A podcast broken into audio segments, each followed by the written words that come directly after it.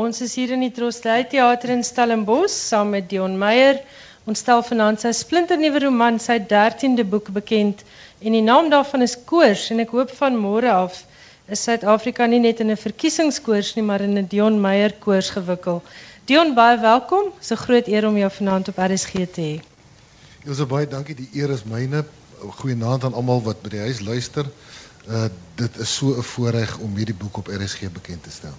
En ons het vanaand weer spesiale kunstenaars ook. Ons het Verliese Beekman wat op Dion se versoek hier is vanaand. Hy gaan vir ons nou-nou vertel van die pad wat hy en Lize loop en wat Benny Griesel saam met hulle loop. En saam met Lize Beekman is Jaconaal Meton en later in die program gaan Zoe Brown vir ons voorlees uit Koors. Maar ek het gedink is 'n goeie plan om sommer die aand af te skop met Dion Meyer wat vir ons 'n stukkie gaan voorlees uit Koors. En dis die eerste as dit ware die opening van die roman. Dis reg. Ons onthou die oomblikke van vrees, verlies en vernedering die beste. Ek is 13 jaar oud op 20 Maart in die jaar van die hond. Die dag verloop soos die vorige en die vorige. Daar is die dowwe dreun van die groot Volvo FH12 se diesel engine en die vaag gedruis van 16 wiele onder die lang toegeboude sleepwa agter. Buite skuif 'n voorspelbare vergeetbare landskap verby. Ek onthou die kunsmatige koel van die lugversorging in die perd se kajuit. Die reuk van die vragmotor binne is nog nuut en vars. Daar is 'n skoolboek op my skoot, maar my gedagtes waal. My pa verminder snelheid. Ek kyk op en uit. Ek sien die wit letters op die padbord se swart agtergrond. Welkom in Koffiefontein. Koffiefontein sê ek hardop, bekoor deur die naam en die prentjie wat dit in my kinderverbeelding optower. 'n Warm aromatiese bron van pruttende donker boeretroos. Ons ry die dorp stadig binne. In die amper skemer van die laatmiddag is dit spookagtig, sonder lewe, soos al die ander. Onkruid op die sypaadjies, grasperke agter heininge lank en dig vergroei. Op die horison ver agter die plat geboue van die breë hoofstraat speel weerlig kruis en dwars skouspelagtig oor fantastiese wolkformasies. Die hele Westerkim is bebloed in 'n vreemde, ontstellende dieprooi. My pa wys daarna met sy vinger. Cumulonimbus sê hy elke lettergreep afgemete. Dis wat 'n mens daardie wolke noem. Ons kry dit uit die Latyn. Cumulus beteken stapel en nimbus is reënwolk. Dit is wat ons donderstorms gee. Cumulonimbus durf ek die woord aan. Hy knik en draai die groot lorry behendig by die volstasie in. Hou stil. Hy druk die skakelaar wat hy self aangebring het om die ligte teen die flank van die langsleepwa aan te skakel. Die brandstofpompe werk met eens lang skaduwees wat na mensfigure lyk. Die engine is af ons klim uit. So gewoond dat dit veilig is. Die dag se laat somerhitte slaan uit die teer op die geruis van die insekte dik en 'n ander geluid 'n dieper tapuit van klank. Wat raas so pappa paddas die rietrivier is net daar. Ons loop langs die sleepwa af. Dit is wit met drie groot letters groen.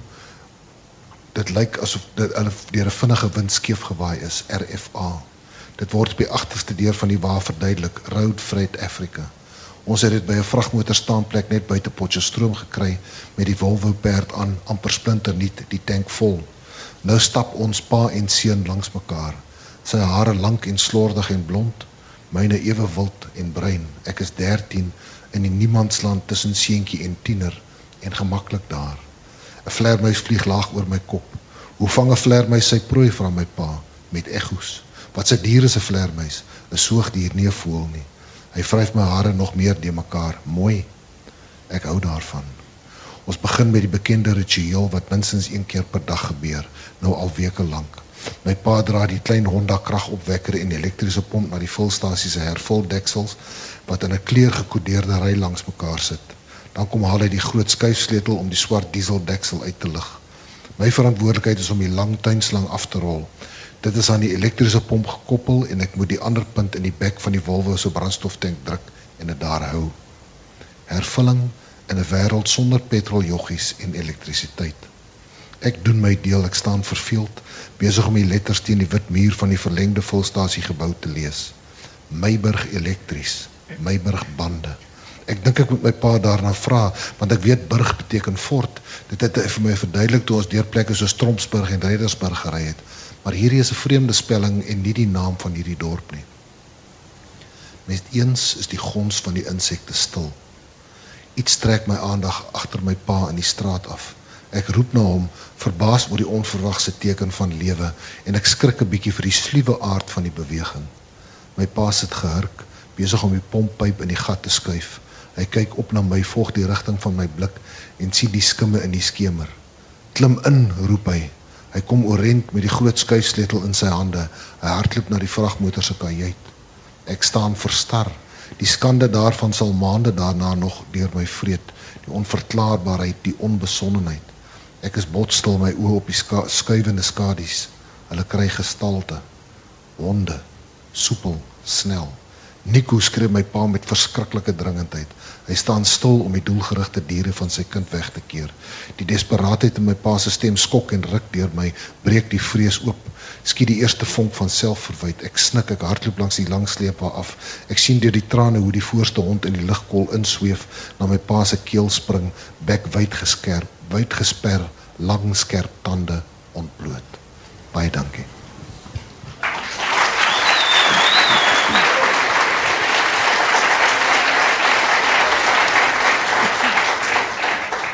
Ek hoop jy daar by die huis is lekker knus en warm in Stellenbosch is dit besig om koud te word, Nessie weer voorspellers gesê het.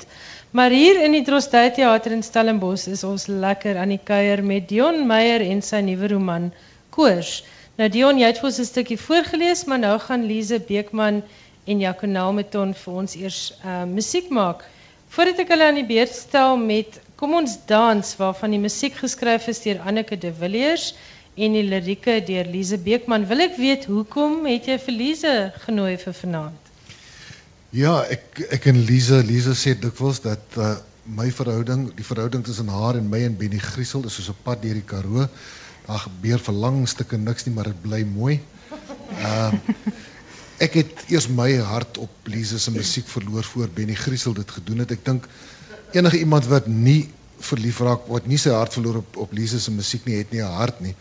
Uh sy Benny Griesel het by geleentheid gesê Lise maak sy hart binne sag en ek dink dis wat haar musiek aan aan my ook doen. Um, Benny Griesel het in een van die boeke wat ek voorheen geskryf het, het hy Lise ontmoet en toe 'n vreeslike volpag gemaak, 'n vreeslike blaps gemaak en uh, ek hou aan om vir Lise terug te nooi om op te maak namens Benny vir die feit dat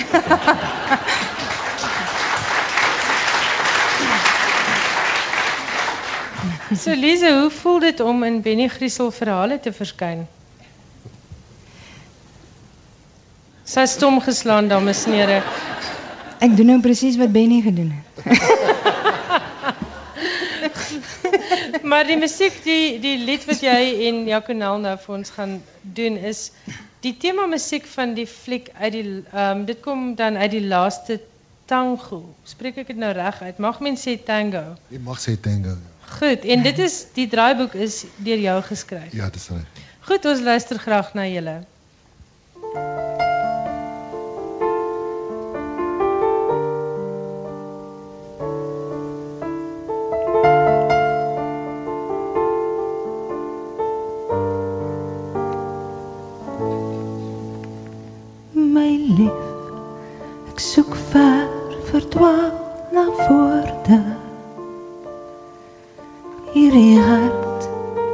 Is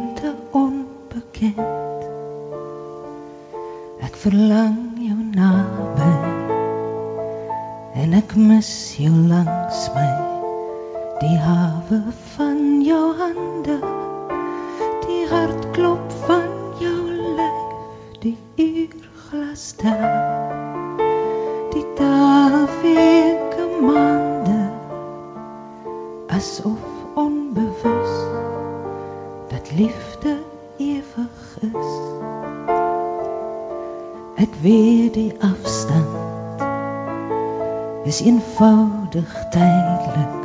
Jou musiek vir nou 'n kans lief vir ons twee om te dans. Kom ons dans, my liefde dans tot ander kant tyd die seer verby kom ons twee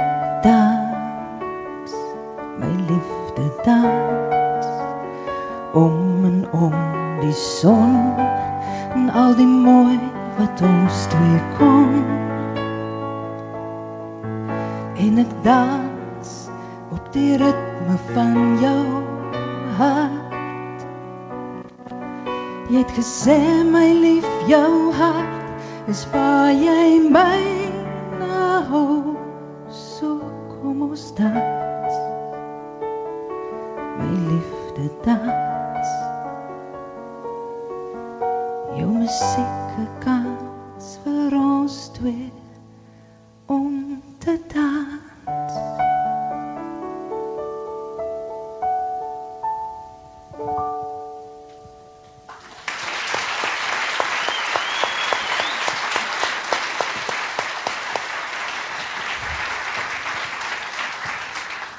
Dit was Lise Beekman en Jaconel met Ton met Kom ons dans die tema musiek uit die laaste tango.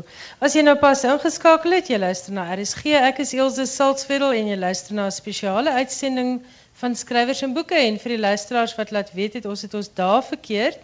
Nee, môre is dit verkiesingsnuus. Ons kan nie môre aan skrywers en boeke hou nie en daarom doen ons dit vanaand uit Stellenbosch en ons kuier saam in die Drostdy Theater. Dion Meyer, jy het vir ons pas voorgeles uit jou splinternuwe roman die 13de boek wat uit jou pen verskyn. En die titel is Koors en vir mense wat gewoond is aan Benny Griesel en Matthew Baer, gaan hierdie 'n uh, verrassing wees. Kom ons vertel net vir die luisteraars wat dalk nog onseker is. Die stuk wat jy vir ons gelees het gee baie duidelik te ken ons is in 'n in 'n wêreld wat feitelik leeg is. Die mense is dood. Daar was 'n virus, die hele wêreldbevolking op 'n handvol mense na is nie uitgewis nie. Waar die idee vir hierdie roman vandaan gekom? Jules, weet jy die die, die idee kom uit uit die verlede uit lank genoeg terug dat ek nie meer presies kan onthou nie. Wat ek wel weet is dat ek was nog altyd gefassineerd deur hierdie soort van verhaal en ek het al heelwat boeke en kortverhale in die verband gelees. Maar ek het 'n klompie jare gelede en ek praat nou van sekere goeie 6, 7 jaar gelede het ek 'n 'n boek gelees wat uh, geskryf is oor wat sou gebeur as die mens môre van die planeet af verdwyn. Hoe sal die ekologie verander? Hoe sal die strukture wat die mens gebou het, hoe lank sal dit hou? Die boek se naam was ehm uh, uh nou nou het ek die naam vergeet. Ehm uh, en dit het my verbeelding so aangegryp. Uh, The World Without Us is die, is die boek se naam. Dit het my verbeelding so aangegryp dat ek gedink het maar ek sou baie graag wou skryf oor 'n wêreld waar sê net maar die grootste deel van die bevolking uh verdwyn het as gevolg van sê net maar 'n virus uh omdat dit vergestel 'n nuwe begin. Wat sou gebeur? Hoe hoe sal 'n nuwe gemeenskap begin? Hoe sal 'n 'n nuwe gemeenskap in hierdie land van ons onder sulke omstandighede begin? So dit was dit was deel van die proses, maar geen boek het 'n enkele ontstaansbron, een punt waar hy begin en niks anders nie. Uh hierdie was 'n storie idee wat ek, ek dink as skrywer is ek is ek altyd besig om storie idees te versamel soos wat ander mense seels versamel. Uh en hierdie idee het groter geword met 'n klomp ander idees wat ek langs die pad gekry het soos wat ek luister en lees en dink. Ek het ook geweet omdat dit so bietjie iets anders is as my gewone, moet die tyd ook reg wees om die boek te skryf en juist daarom het dit heelwat langer gevat voor ek by die skryfproses uitgekom het wat beteken dat ek langer kon navorsing doen met meer mense kon praat en so het die idee voortdurend gegroei. Nou dat jy sê die tyd moet eers reg wees, nou wonder ek 'n bietjie ons um, stel die boek bekend die aand voor die verkiesings.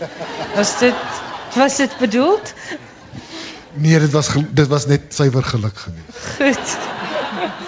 So, nou weet julle, julle moet môre gaan stem, um, en julle moet reg stem. Dit is eintlik die subtekst van Dion Meyer se se praatjie vanaand.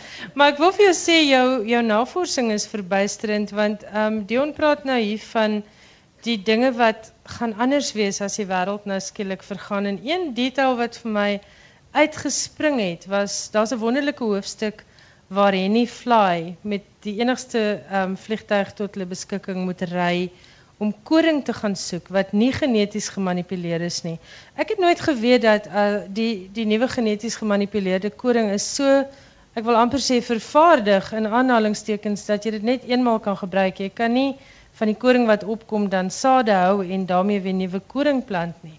So jou navorsing moes jou op baie interessante paadjies geneem het. Die navorsing het my baie interessante paadjies geneem. Uh, Jy weet genetiese manipulasie van saad in die algemeen Nie alle saad is so geneties gemanipuleer dat dat jy nie die die opbrengs weer kan saai nie. Ehm um, maar ek het die konsep gebruik ehm um, om om hier spesifieke dramatiese effekte te hê. Maar 'n mens vra jouself af, jy weet, wat sal gebeur as al die strukture, alles wat ons tot ons beskikking het in die lewe en in die wêreld soos ons vandag ken, as dit skielik begin verdwyn. Jy praat van Henny Fly, hy vlieg met die met die vliegtyg met 'n Cessna uh vlieg hy en dan kom hy agter maar petrol het net 'n sekere rakleeftyd. Die petrol in sy tanks het sleg geword en dan uh lyk dit of die of of hy dit nie gaan maak nie. So ek moes ook kyk na hoe lank petrol gaan nou, hoe lank diesel gaan nou. Hoe maak 'n mens dan nou weer petrol of diesel? Wat het jy nodig? Uh die nuwe gemeenskap in die boek begin uh by die dorpie van der Kloof. Hulle herdoop dit later na Amanzi toe. Uh wat gaan jy daar kan plant wat vir jou later kan petrol of diesel uh voorsien? So ek moes 'n klomp navorsing daar rondom gaan doen. Dit was heerlike navorsing. Ek het die interessantste mense ontmoet, met die lekkerste mense gesels en baie goeie self geleer wat ek wat ek nooit geweet het nie. Ek wil vir mense sê dit klink nou vir jou na 'n post-apokaliptiese groot woord um boek, maar dit is nie. Dis nie een van daardie verskriklike neerdrukkende einde van die wêreld soort boeke nie. Dis eintlik 'n spanningsverhaal soos wat jy skryf en um net in 'n nuwe baadjie aangetrek. En verskriklike interessante karakters. Ons gaan nou nou by hulle kom want ek dink jy moes kop hou soos 'n dronk weelis om net te onthou wie's waar en wat doen hulle. En ek dink jy het 'n baie slim manier gevind om al jou karakters baie eg en driedimensioneel te maak.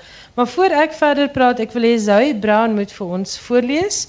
En vir die van julle wat nie vir Zoe ken nie, sy's 'n vrou van vele talente, maar sy's veral bekend as aanbieder op SABC3 se ontbytprogram Expresso en sy is Saterdag 'n radio-omroeper.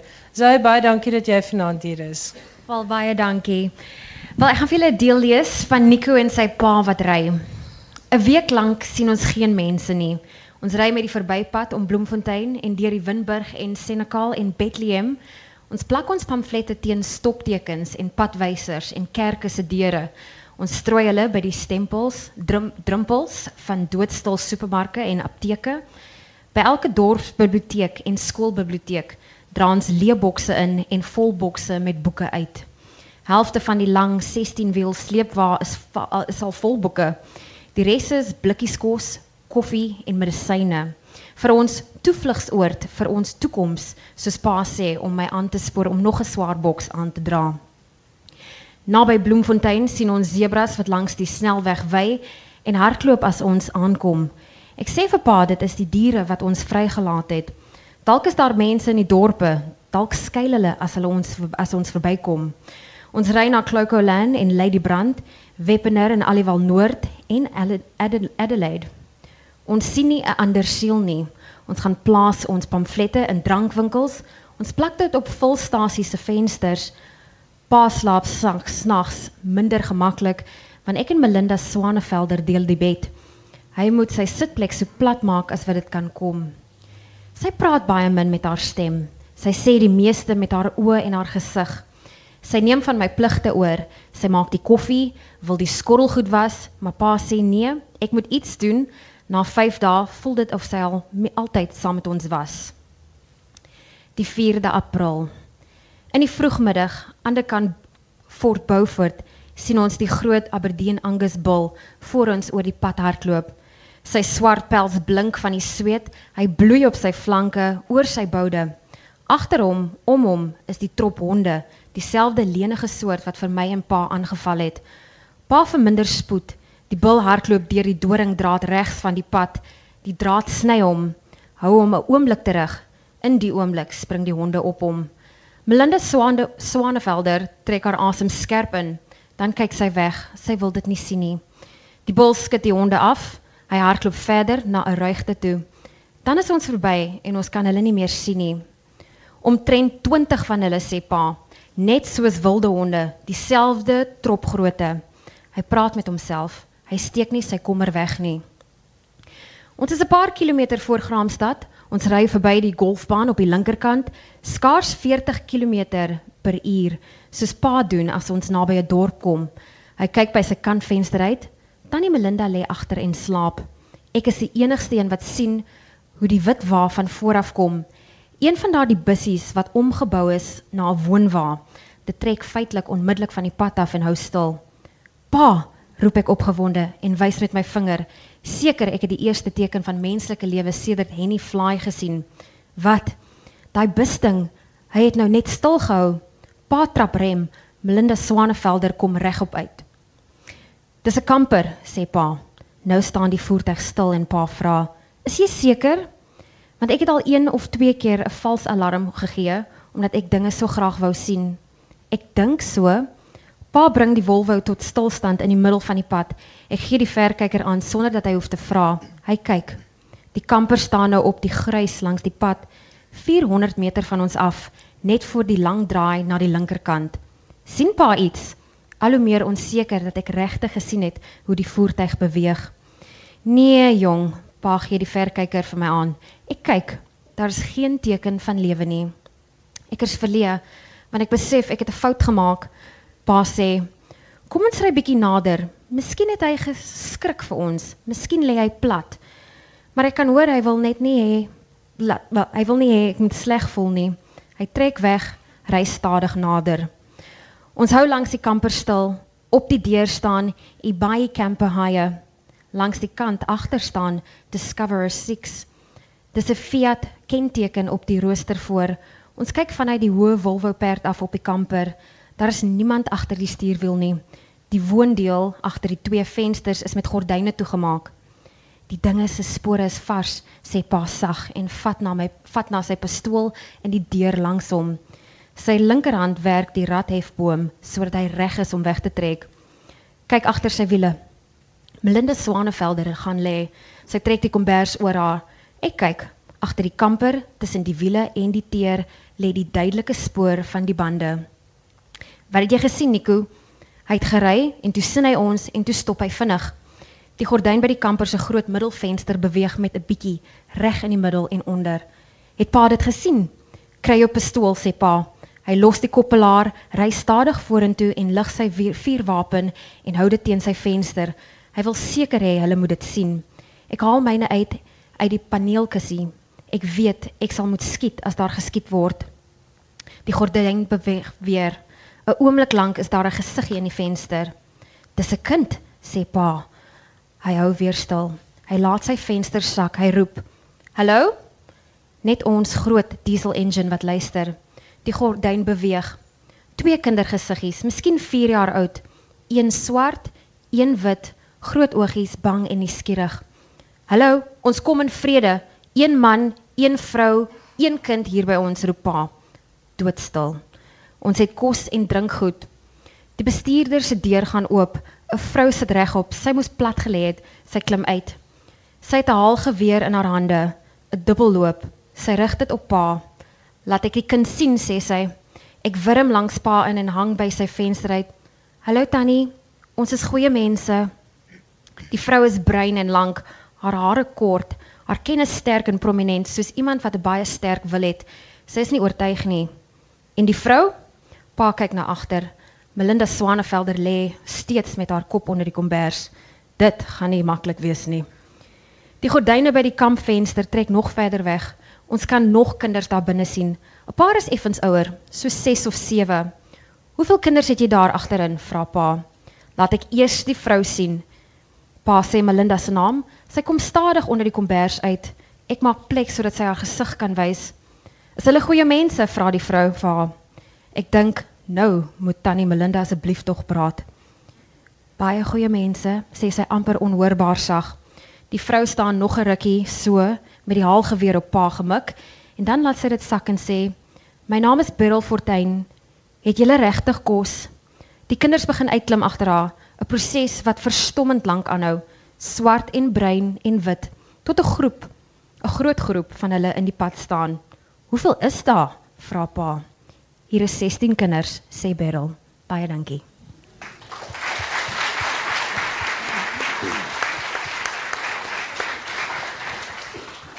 Iets wat jy fantasties vasgevang het is hierdie verlatenheid.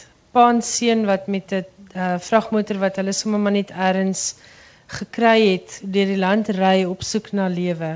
En elke dorpie wat hulle deurgaan, al die Karoo dorpies en die Vrystaatse dorpies waarvoor jy so lief is, daar's geen lewe nie. En ek dink klein Nico ons ontmoet hom wanneer hy 13 is, het later gedink hy en sy pa is regtig alleen op aarde. Jy het persoon te vertel en die verteller is Nico Storm en ons is van die begin af in geen um twyfel gelaat nie. Ons besef reg aan die begin openingsparagrawe van die boek sy pa's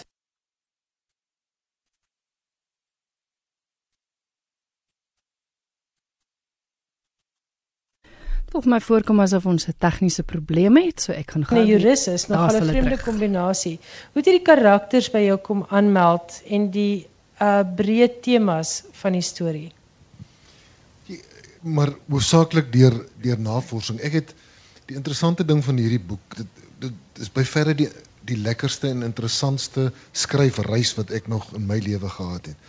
Ek het die eerste hoofstuk het ek 4 jaar gelede geskryf omdat ek wou 'n begin maak aan die boek. Hoewel um, my agent gesê het dis die tyd is nog nie reg om dat ek die boek moet skryf nie, wou ek net daai eerste hoofstuk hê. En al wat ek in daai stadium gehad het, ek het 'n klomp onderhoude gevoer, 'n uh, klomp navorsing gedoen. Ek het die eerste hoofstuk gehad en ek het 'n einde in my kop gehad, maar tussenin was daar absoluut niks.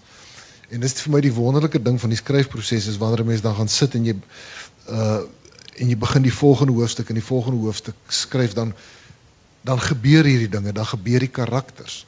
Ehm um, Nico self jy hulle hulle ry deur die land met die vragmotor om pamflette te gaan los om te sê hulle begin 'n nuwe gemeenskap by Van der Kloof. Uh en die storie gaan eintlik dan oor die nuwe uh, gemeenskap by Van der Kloof. Maar ek het dan nodig dat die pa sekere vaardighede en sekere inligting het om so iets te kan begin dat hy 'n sekere rol moet speel en dit bepaal dan nou sy beroep, sy uh, sy agtergrond. Jy weet so die storie bepaal uiteindelik alles. Uh ook die karakters. Ehm uh, die interessante ding vir my was ja, dit is die eerste persoon verteller, maar dis eintlik die memoirs van 'n 47-jarige man in die eerste kort hoofstuk sê ek weet sê sê Nico as verteller, ek is nou so oud soos toe my pa doodgemaak is. Maar hy vertel terug want dit is die 5 jaar vandat hy 13 is tot wanneer hy amper 18 is waarin die boek afspeel. So dit was interessant geweest ek moet aan die een kant 'n 13 en 'n 14 en 'n 15 jarige seun se stem probeer behou, maar ook die verteller van 'n 47 jarige die die perspektief van 'n volwassene. En dit was dit was soms nogal 'n 'n moeilike ding om te doen, maar dit was 'n voortdurend interessante uitdaging geweest. En ek en jy het vanmiddag toe ons koffie gedrink het, het ek vir jou ook gesê dit moes tog lekker geweest het om um, te werken in een wereld wat niet een van ons ken nie. Ons weet niet een hoe gaan die wereld lyk en um ruik en wees as die wêreld môre sou eindig nie dan nou in aanhalingstekens. Want 'n uh, paar mense, 'n paar miljoen mense wêreldwyd oorleef. Hulle is geneties weerstandig teen hierdie virus. En Nico en sy pa ry deur Suid-Afrika, maar dis nie 'n Suid-Afrika wat ons ken nie. Was daai fantasie deel van die skryf vir jou lekker? Niemand kan eintlik met jou stry nie, kon hulle. Weet jy ek ek dink mense kan tog met 'n mens stry omdat jy weet in die eerste plek 95% van die wêreldbevolking is is dood uh, tydens die die koors uh, met die virus. Maar daar is so baie mense in die wêreld dat 5% is is nogal heel wat. Daar's 'n hoofstuk in die boek waar die pa praat oor die bevolkingsdigtheid voor en na die koers en daar's nog daar's 'n hele paar honderd duisend mense in Suid-Afrika oor, maar omdat die bevolkingsdigtheid so laag is en hulle so verspreid is en omdat hulle wegkruip omdat dit 'n baie gevaarlike wêreld is, uh is dit uh uh voel dit asof daar niemand is nie. Ek dink dit is dis beheerste verbeelding omdat daar tog 'n klompie feite is ons weet wat menslike natuur is. Ons weet wat mense gaan doen. Ons het al gesien uh in die wêreldgeskiedenis tydens oorloë wat mense doen. Ons het gesien wat mense tydens opstande doen wanneer daar chaos is. Uh so ek dink die groot uitdaging was om nog steeds uh relevant te wees, om nog steeds geloofwaardig te wees, om om die leser nie te laat voel maar dit is onmoontlik nie. Uh om die die pa en die seun en dit eintlik die klein nuwe gemeenskap binne die reëls van wat menslik moontlik is en wat ook tegnologies en wetenskaplik moontlik is te laat groei en gedei maar ook om te sukkel daar is so baie uh, dinge wat ook verkeerd loop in so 'n proses. Uh, maar ja dit was lekker om so 'n bietjie meer van 'n skoon lei te hê om so 'n bietjie meer met die verbeelding te kan speel as byvoorbeeld suiwer net 'n polisieroman 'n misdaadroman. Ehm um, dit was dit was 'n baie lekker deel van die boek was om om kreatief so 'n bietjie die die leiersels te laat los. En ek dink die van der Kloof gemeenskap is jou enig dankbaar want ek dink hierna gaan daar geen eiendom beskikbaar wees nie. Almal gaan daar wil bly want dit is 'n baie veilige plek vir as die wêreld sou eindig. Dit, was een van die interessante oefeninge. Ek moes myself afvra. Sê nou maar ek was in Nico se pa se skoene, waar sal ek sê nou maar ek en een van my kinders oorleef of ek en 'n paar ander mense oorleef, waar sal ek voorstel ons heen gaan? En ek was al bevoorreg genoeg geweest om hierdie hele land van ons te deurkruis. Uh en die een plek wat ek telkens aan gedink het was van der Kloof. Die eerste plek, die eerste groot ding van van der Kloof, daar's net een pad in teen die heuwels op. So dis baie maklik om te verdedig. Van der Kloof lê teen die dam, bo teen die heuwels, agter is die is die ehm um, natuurreservaat met klowe wat dit moeilik maak. Daar is 'n klein vier trek vier strek paadjie op maar dit is nogal moeilik om op te kom so verdediging gaan die eerste plek makliker wees. Die tweede ding is daar's water en sonskyn. Daar's klare besproeiingsinfrastruktuur en die derde ding is by die dam is daar hidroelektriese kragstasie. Hoewel hy ehm um, soos wat ons die wêreld nou ken aan die netwerk gekoppel is en nie sy elektrisiteit aan van 'n kloof lewer nie, sou iemand wat min of meer weet wat te doen dit relatief maklik kon herlei. So al die basiese dinge, die tekstuur wat mens nodig het om te oorleef en te leef, ehm uh, was daar gewees uh en daarom het ek dit was 'n berekende besluit gewees om om om van die kloof te kies. Ek het nie bedoel om die dorp op enige manier te bevoordeel. As ek kon sou ek, jy weet hoe lief ek vir Lockston is, ek sou Lockston gekies het as ek kon. Maar van ja. der Kloof was die was die logiese Ek dink uh, water uh, byvoorbeeld gaan 'n probleem wees in Lockston. Um, ja. En hulle gaan vir julle van alle kante af kon aanval. So dit is As jy wonder waarna jy luister want dit is jou normale Dinsdag aan skedule op RSG nie. Hierdie is 'n spesiale boekbekendstelling in ons kuier in Stellenbosch saam met Dion Meyer. Nou gaan Jaconel met Ton en Lize Beekman vir ons musiek maak en die liedjie wat hulle nou vir ons gaan sing as ek net die naam kan kry. Ek het 'n boer sien dans en hierdie klink vir my na iets wat dalk uit die Karoo uit kon kom.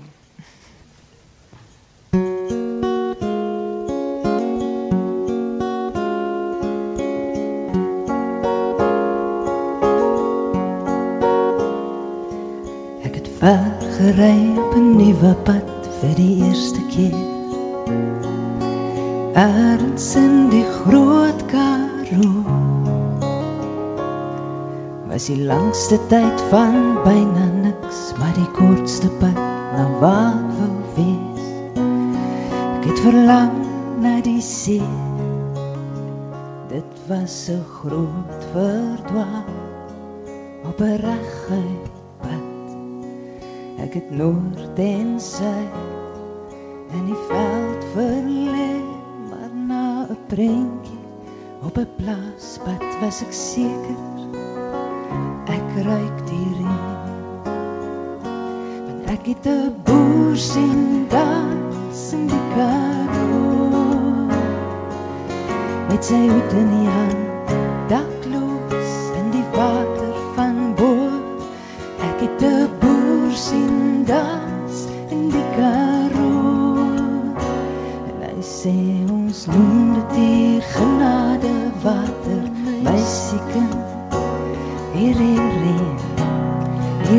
hier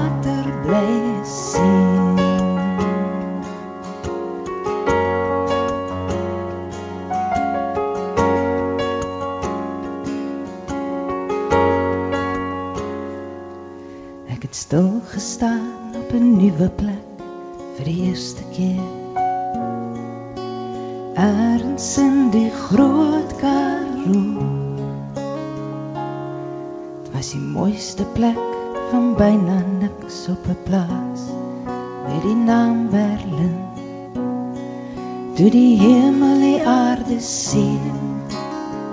Dit was soos huis toe kom op 'n reguit pad.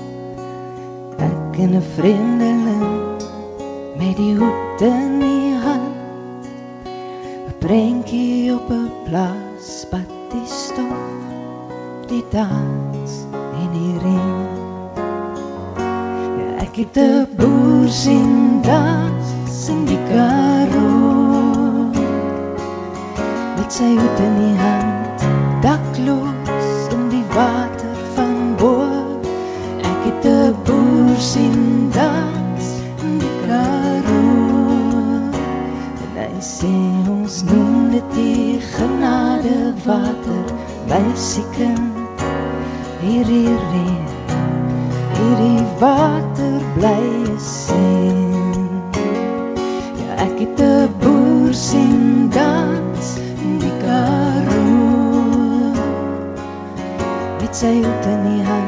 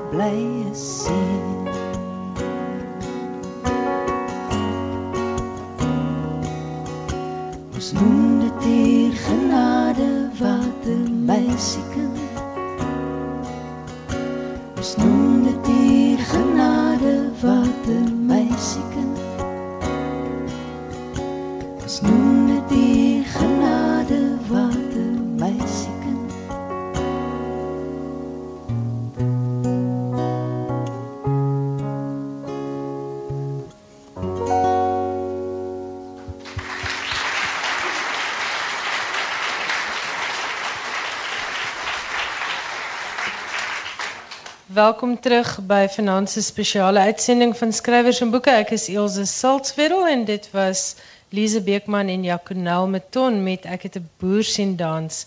Nou as jy nog nie al Dion Meyer se boeke besit nie, hier is jou kans.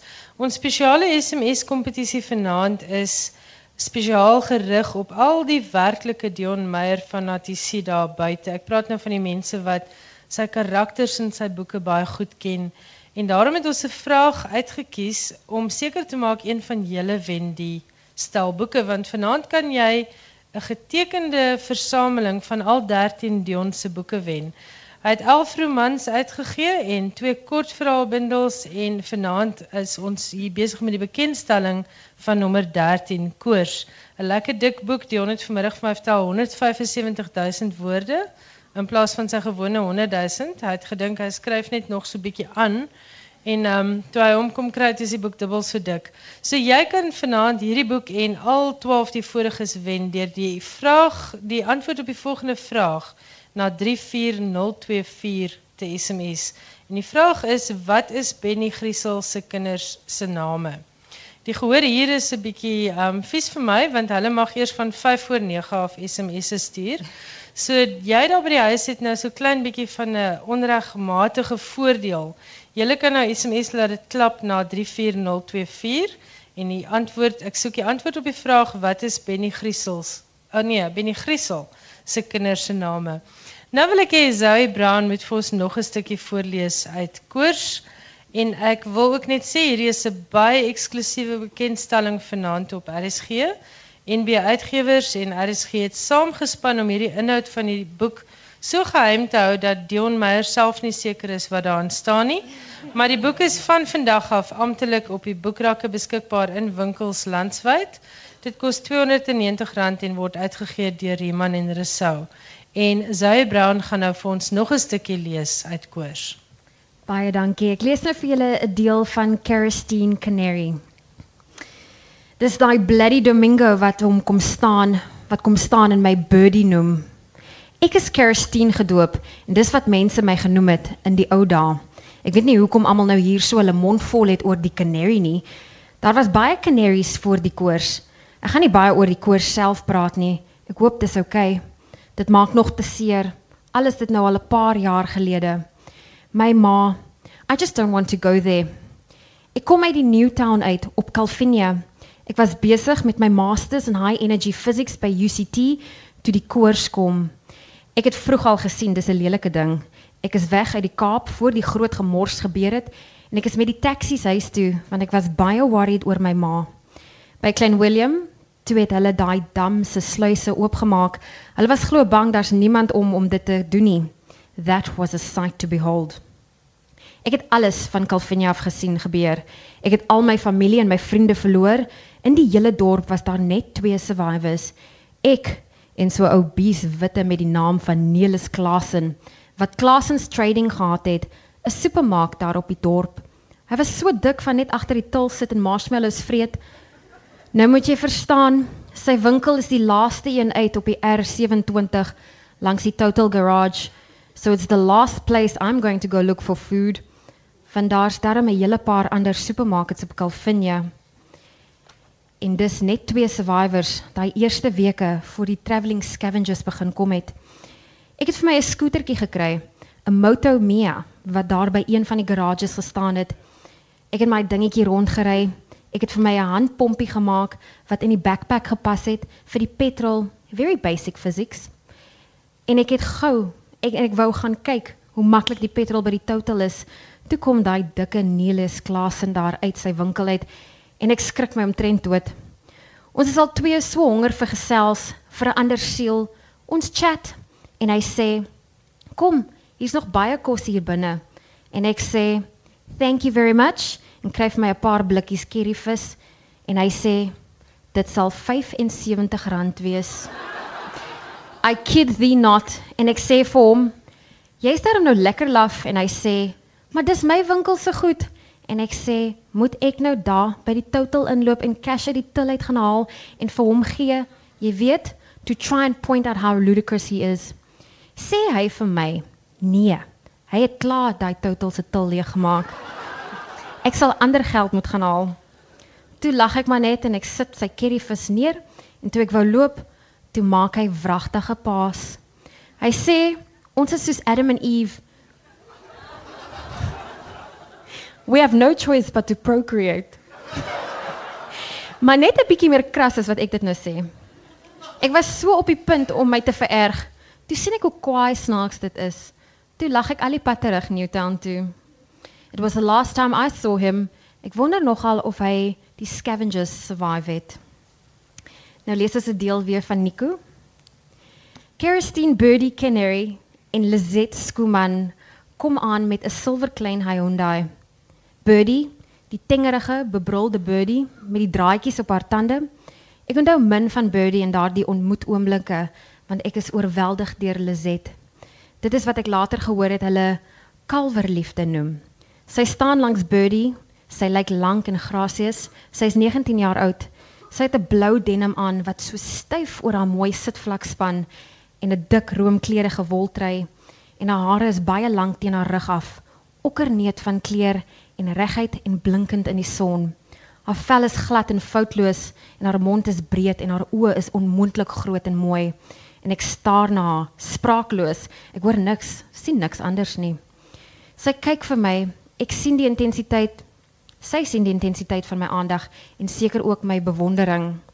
Sy glimlag, foutlose tande. Dit is soos die son wat opkom. Met 'n stem vol vrolikheid en musiek sê sy vir my: "Haai daar, slaaibaar." Ek bloos en kyk weg en vir weke daarna wonder ek of die rymende groet, die eerste digterlike woorde van Lizet aan my 'n belediging was of dieper betekenis het. Tot ek hoor sy groet ander mense van wie sy ook so hou. Toe voel ek effens beter. Maar in daardie oomblikke van verlief raak gebeur ander dinge waarvan ek niks kan onthou nie.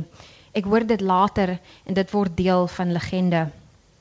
Domingo die dodelike Domingo, die emosionele los, die emosielose Domingo, het sy eie knie swakkende oomblik van liefdes liefdeswaarheid. Maar dit is nie die beeldskone Lizet wat sy eisige hart steel nie. Dit is die tenger birdie. Al wat Domingo kan uitkry ten aanskoue van haar omdat hy iets wil sê, 'n koneksie wil maak is I Hyundai i10. Dit kom veel meer smalend uit as wat hy bedoel. Ja, sê Birdie Canary. Dis very energy efficient, maar haar stem is heeltemal uniek. Die een teenstelling op die ander, 'n halwe oktaaf te hoog, selfs vir haar kort date lyfie, maar so vreeslik vol selfvertroue en wysheid. 'n Aksent wat pa sê pure Namakwaland is, maar sy gebruik soms groot geleerde akademiese woorde en frons geïrriteerd wanneer jy nie kan byhou of verstaan nie. En amper elke sin eindig opwaarts op 'n hoër noot soos 'n geïmpliseerde vraag. Haar antwoord bal vir Domingo uit, sodat hy reageer met 'n uh. Die brosjure praat van elektrisiteit sê Birdie. Hydro, neem ek aan. Domingo sê, "Uh, dis meer van 'n pamflet," sê pa. Ons hoop ons sal die hidrokrag aan die gang kan kry. Hoop, werk dit nog nie? Daai is false advertising. Domingo sê, "Huh." Pa sê, "Nee, die pamflet praat daarom van soon." which apparently is a relative term, sê Birdie. Pa's nou ook verleë. Ons het nog nie die kennis om die verbindings te maak nie. Wel, ek is nou hier, sê Birdie. Jy weet hoe met elektrisiteit te werk, vra pa. Basic physics, I'll figure it out, sê sy. Fantasties, sê pa. Uh, sê Domingo. Shame, is hy 'n bietjie sag in die kop, vra Birdie vir pa en wys na Domingo. Die buswagte lag, pa lag, van die omstanders lag. Birdie lag en die draadjies op haar tande blink. En almal kyk na Domingo wat nog nooit hard gelag het van hy daar aangekom het nie. En dan lag hy ook. Baie dankie.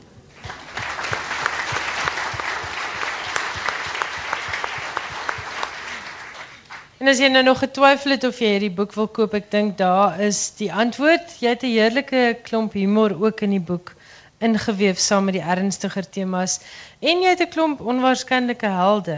'n Tinger meisietjie uit die Namakoland uit kom word die fisikus wat uiteindelik die hidrokragsentrale aan die werk kan kry.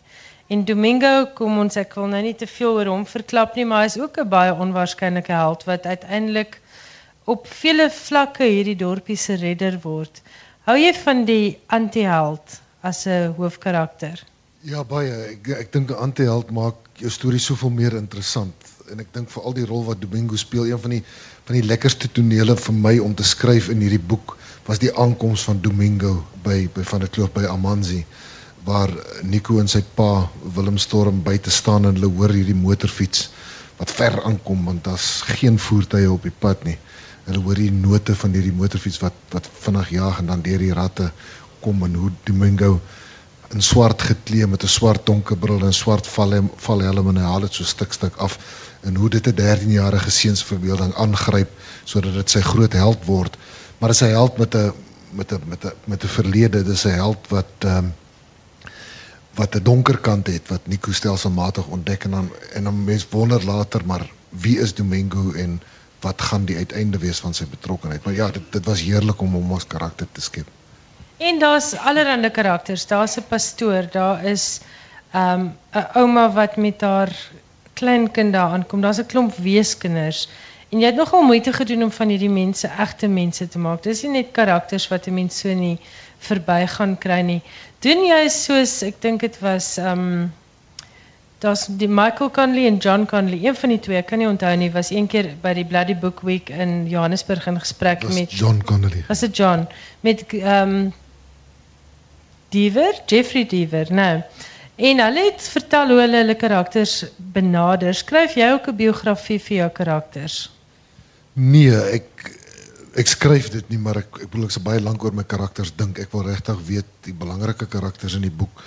Ek wil weet waar hulle vandaan kom, so ek uh, dink vir hulle 'n storie uit wie hulle ouers was, wat die groot oomblikke in hulle lewe was wat hulle sielkundig gevorm het sodat ek weet teen die tyd wat hy of sy in die op die bladsy stap, dan ken ek daarom redelik daai karakter. Maar jy weet, 'n verhouding met 'n karakter waaroor 'n mens skryf is baie soos 'n verhouding met 'n mens wat 'n mens regtig leer ken. Jy kan van iemand hoor, jy kan van iemand lees, maar wanneer jy daai mens leer ken, dan het jy nodig om eers 'n pad te stap, om gesprekke te voer, om daai mens te sien in aksie en in reaksie om hom regtig of haar regtig te leer ken. En karakters is dit dieselfde. 'n Mens leer 'n karakter ken sodat jy teen die einde van die boek vir haar baie beter ken as aan die begin en dan met die herskryfproses kan 'n mens die die die karakterisering ga, gaan regtrek. Ehm um, wat baie lekker was met Koors was ek het die geleentheid gehad uh die pa Willem Storm omdat hierdie nuwe begin van hierdie nuwe gemeenskap vir hom so 'n groot ding is, begin hy met 'n klein geskiedskrywing projek. So hy doen onderhoude met met al die vroeë lede van die gemeenskap. En daardeur kon ek hulle hulle elkeen hulle eie stem. Soos wat Zoe nou gelees het Zoe het 'n stukkie gelees oor Mark Canary Kerstin Canary Birdie Canary self in die woord is. Vergun my net 'n oomblik om te sê dat Kerstin Canary is vernoem na 'n uh, regte mens toe ek die eerste keer Kerstin Canary se regte naam en van hoor was ek absoluut meegevoer is vir my die pragtigste kombinasie sy werk vir NB uitgewers ek het vir Kerstin amptelik toestemming gevra om haar naam te gebruik die bynaam Birdie kom van Domingo af dis nie Maar uh, dit was dit was heerlik om daai daai element van 'n bietjie werklikheid ook in te bring. Jy kan my ook in jou volgende boek gebruik. Ek gee glad nie om nie. Ilse, jy sal moet betaal. Ja, maar dan, dan gee ek vir jou gratis blootstelling op die lig nie. Nou, so ek dink jy's hier in 'n skaakmat. Uh ons tyd is besig om ons in te haal. Dis altyd vir my so jammer te, maar ek wil nou vir jou 'n laaste vraag vra. In hierdie boek hanteer jy al dieselfde temas as in 'n gewone misdaadroman. Daar's um, geweld, daar's liefde, daar's deernis, daar is die mens se wraakgierigheid en geldgierigheid en die ander dinge. Maar wat is vir jou lekkerder om te skryf? 'n Tradisionele misdaadroman of iets soos Koors? Ek dink ek dink die goed is enerzijds dieselfde en anderzijds verschillend genoeg dat elkeen zijn eigen bekoring heeft. Ik, ik kan in alle eerlijkheid zeggen dat ik het nog nooit het geniet om een boek te schrijven zoals, zoals Koers niet. Dit was voor mij die, die lekkerste schrijfervaring van mijn leven. Ik kan niet voor jou zeggen hoe kom niet. Ik, ik denk op je oude eind het me, raken mensen een beetje gelukkig dat dit wat jij aanvankelijk voorzien, die visie wat je hebt en dit wat je doet, nader aan mekaar kom en dat dit vir 'n mens vreugde gee. Dit is wat vir my gebeur het met koers. Maar elke boek is vir my 'n ongelooflike ontdekkingsreis uh en 'n groeiproses as skrywer en en 'n vreugde. En natuurlik die die grootste vreugde is wanneer die terugvoer van lesers kom en mense sê hulle het die boek gelees en geniet, dan uh, dan is dit dan voel dit nooit soos werk nie, dan is dit hierdie wonderlike liefdestaak en hierdie voorreg wat ek het om om stories te maak. Ik ga nou niet voor jou vragen wat is jouw volgende boek niet, maar ik denk je gaat in voor mij wil zeggen waar gaan jouw volgende boek? Die, die volgende boek, ik het ik het nou in die afgelopen twee dagen ek op Twitter een navraag gekregen van iemand wat vrouw of Benny ook in die koers dood is. Uh, die antwoord is nee, Benny is uh, springlewendig. Die volgende boek na koers is definitief weer een Benny boek.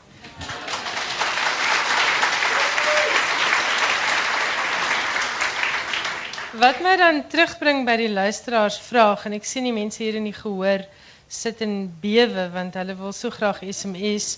Jullie het nog zo drie minuten, dan kan jullie dit beginnen doen. Wat is die naam van Benny Griesels twee kinders?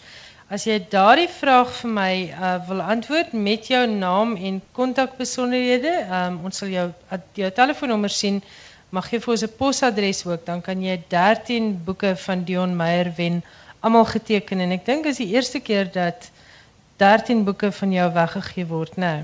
Dit is inderdaad. Ik heb nog nooit 13 boeken gehad om weg te geven. ja, verleden jaar heb je 12 weggegeven.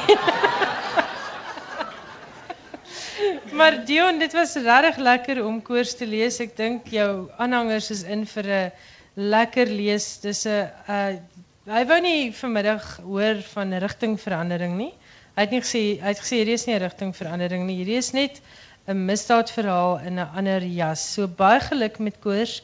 Ek hoop hy bring vir jou ook 'n klompie nuwe aanhangers en ons sien uit na die volgende boek, maar ek dink na 175000 woorde mag jy so bietjie net so klein bietjie rus, hoor. Baie dankie Ilse en baie dankie aan na, aan almal wat saam geluister het. Dit was regtig 'n voorreg om vanaand te kon deelneem. Dankie vir NB Uitgewers wat vir ons hierdie aand moontlik gemaak het. Ons by RSG is altyd baie opgewonde oor iets waar ons uh, die kunste na die luisteraars toe kan bring. En dit was vir my baie lekker om vanaand saam met julle te kuier hier uit Stellenbosch uit. Ek is Elsje Salzveld net voordat ek terugskakel ateljee toe. Onthou ons SMS nommer is 34024. Jy moet vir ons die vraag antwoord wat is Benny Griesel se kinders se name? Hy het uh, ek ook sê hoeveel kinders hy het nie. Want as jy 'n werklike aanhanger is, gaan jy dit weet. En dan wil ek vir Zoe Brown dankie sê vir haar voorlesings en ek wil vir Jaconaal Meton en Lise Beekman sê baie dankie vir julle pragtige musiek en die mikrofoon is nou julle sin totdat ons terugskakel na die ateljee in Johannesburg. Dankie ook aan die Drostdy Theater in Stellenbosch vir julle gasvryheid en aan die klankman van RSG daarbo baie dankie ook vir jou tegniese bystand.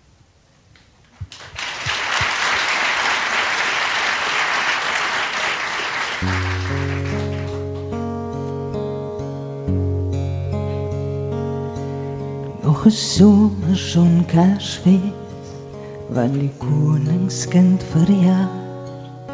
Ek skryf vir jou uit die noorde en ek sal die pos vra sal hy gaan draai in die suide by die berg en die see. En daar waar my liefde kaalvoet loop die nota vir jou gee bring vir jou 'n sonneblom uit Bethlehem hier dit water 'n bloemfontein. Uit 'n nuwe verbringe kappertjie saad uit die tuin van nommer 3 Darlingstraat en hane podrywe uit die Parelvallei nog 'n somerson kersfees want die koningskind verjaar. Die suiderkruis my kompas en 'n engelkoor saam en my hart gesels langsam oor die liefde en ek weet die herberg lê om die draai jy wag vir my by die see. Ek bring vir jou sonneblom uit Bethlehem. Ek gee dit water 'n bloemfontein uit 'n nuwe verbringe